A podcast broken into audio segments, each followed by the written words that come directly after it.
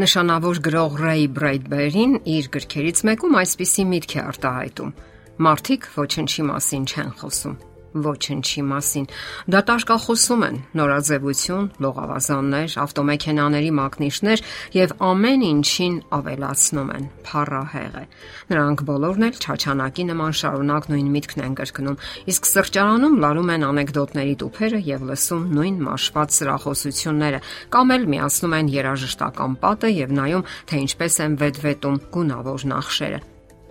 Հայ չէ որ այդ ամենը կատարելապես ամբովանդակ գունախաղ է։ Կյանքը չի սпасում մեզ։ Նրա արագընթաց երթը խաշխլել է ոչ միայն մեր հանդարտ ռիթմը, այլև մարդկային բոլոր հարաբերությունները։ Աշխատանք, հսկայական քանակի տեղեկատվություն, գովասներ, որոնցից պարզապես բրցնել հնարավոր չէ։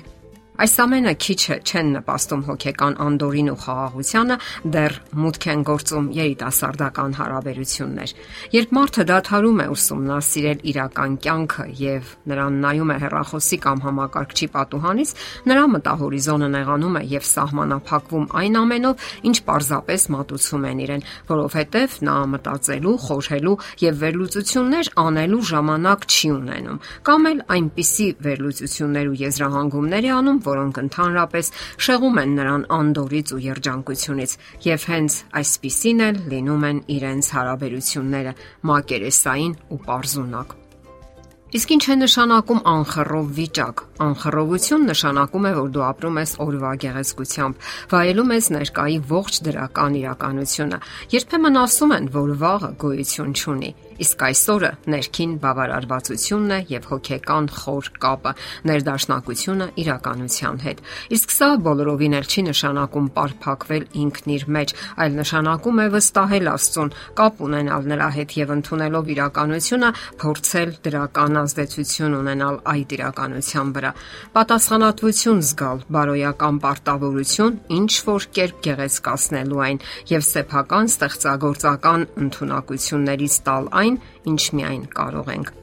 եւ ինչի կարիքը զգում է հենց իրականությունը։ Իսկ երիտասարդությունը այն ուժն է, որի կարիքն այնքան ունի մեր աշխարհը, սակայն սխալ դասյարակությունը եւ անհեթեթ գաղափարախոսությունները հազար ու մի հոգեբանական կապանքներով թույլ չեն տալիս նրան դրսևորել իր դրական ներուժը։ Փոխարենն առաջարկում են ունենալու, տիրելու, իշխելու հոգեբանությունը Լցնել կյանքը նշանակում է հոգեկան բավականություն ստանալ կյանքից, ունենալ ազատություն աշխարից եւ նրա առաջարկած այն գաղափարներից, որոնց հետ դու համաձայն ես, որոնք սակայն համառորեն փորձում են խցկել քո գլուխը եւ հեռացնել իրական նպատակներից։ Եթե դուք ձգտում եք լցնել ներքին դատարկությունը եւ սնվել հոգեվոր մտավոր արժեքներով, երջանկություն վայելել, ապա պետք է գնահատեք կյանքը եւ իմաստ որոնեք անգամ ամենօրյա մանրուքներում։ Դուք պետք է սկսեք նկատել կյանքի գեղեցկությունները եւ կենտրոնանալ դրանց վրա, այլ ոչ թե գոյություն ունեցող ճարիքների վրա, թեև դրանք գոյություն ունեն եւ այն էլ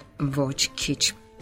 Ասենք որ ուժեղ հույզերը մեծ ազդեցություն ունեն մեր հոգեկան աշխարհի վրա, ահա թե ինչու անհրաժեշտ է ճիշտ ուղղորդել դրանք։ Դրական հույզերն ինքնին ոգեշնչում են մեզ, իսկ ահա բացասականները կործանարար են։ Պարզապես ճիշտ վերաբերմունք պետք է ունենալ բացասական զգացմունքների հանդեպ։ Մեր կյանքը դեռևս դրախտ չէ։ Դրախտային կյանքը գալու է մի փոքր ավելի ուշ, իսկ մինչ այդ մենք թե գոյատևում ենք եւ թե ձգտում կատարելության։ Հասուն անznավորությունները հասկանում են, որ տխուր իրադարձ իրադարձությունները մեր կյանքի բաղկացուցիչ մասն են եւ լինելու են միշտ։ Պարզապես պետք չէ թույլ տալ, որ դրանք իշխանություն ունենան մեզ վրա, չդառնանք դրանց գերին, այլապես դրանք կոչնչացնեն մեզ։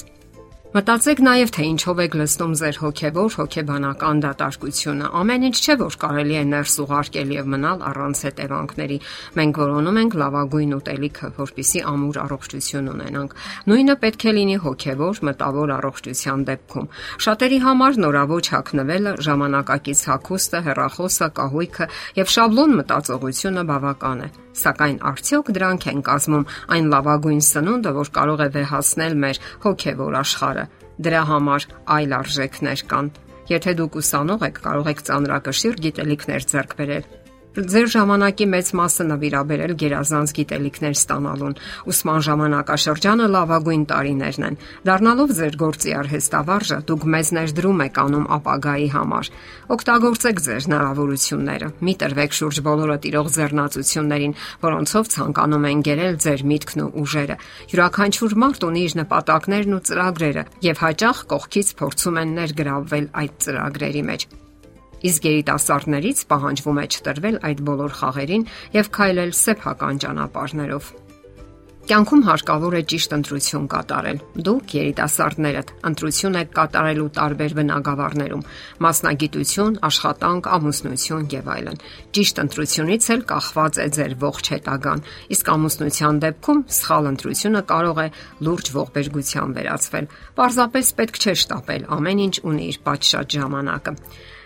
Իսկ Աստվածաշունչը այն լավագույն պարգևն է, որ կարող է լցնել մարդու հոգևոր դատարկությունը, սնել թե միտքը, թե հոգին եւ զերծ պահել առողջությունը քայքայող մոլորություններից։ Կարդացեք այն, մտորեք այնտեղ ամփոփված ճշմարտությունների շուրջ։ Լցրեք ձեր կյանքը առողջ, որակյալ սննդով։